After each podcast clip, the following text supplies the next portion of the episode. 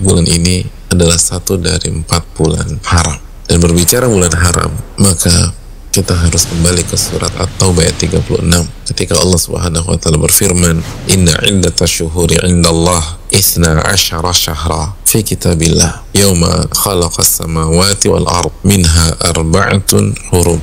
Sesungguhnya jumlah bulan di sisi Allah ada 12 bulan di dalam kitab suci Allah Subhanahu wa taala. Di hari Allah ciptakan langit dan bumi.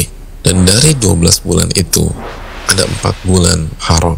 Inilah agama yang lurus dan janganlah kamu menggolimi diri diri kalian di bulan-bulan tersebut. Setiap amal soleh di bulan Dhul Qa'dah pahalanya dilipat gandakan oleh Allah Subhanahu wa taala.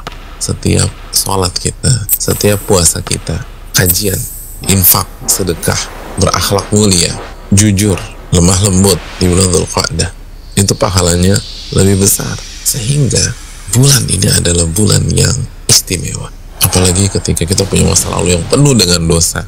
Di musim-musim ibadah seperti inilah kita harus tingkatkan amal soleh kita. Karena ini kesempatan mengejar ketinggalan.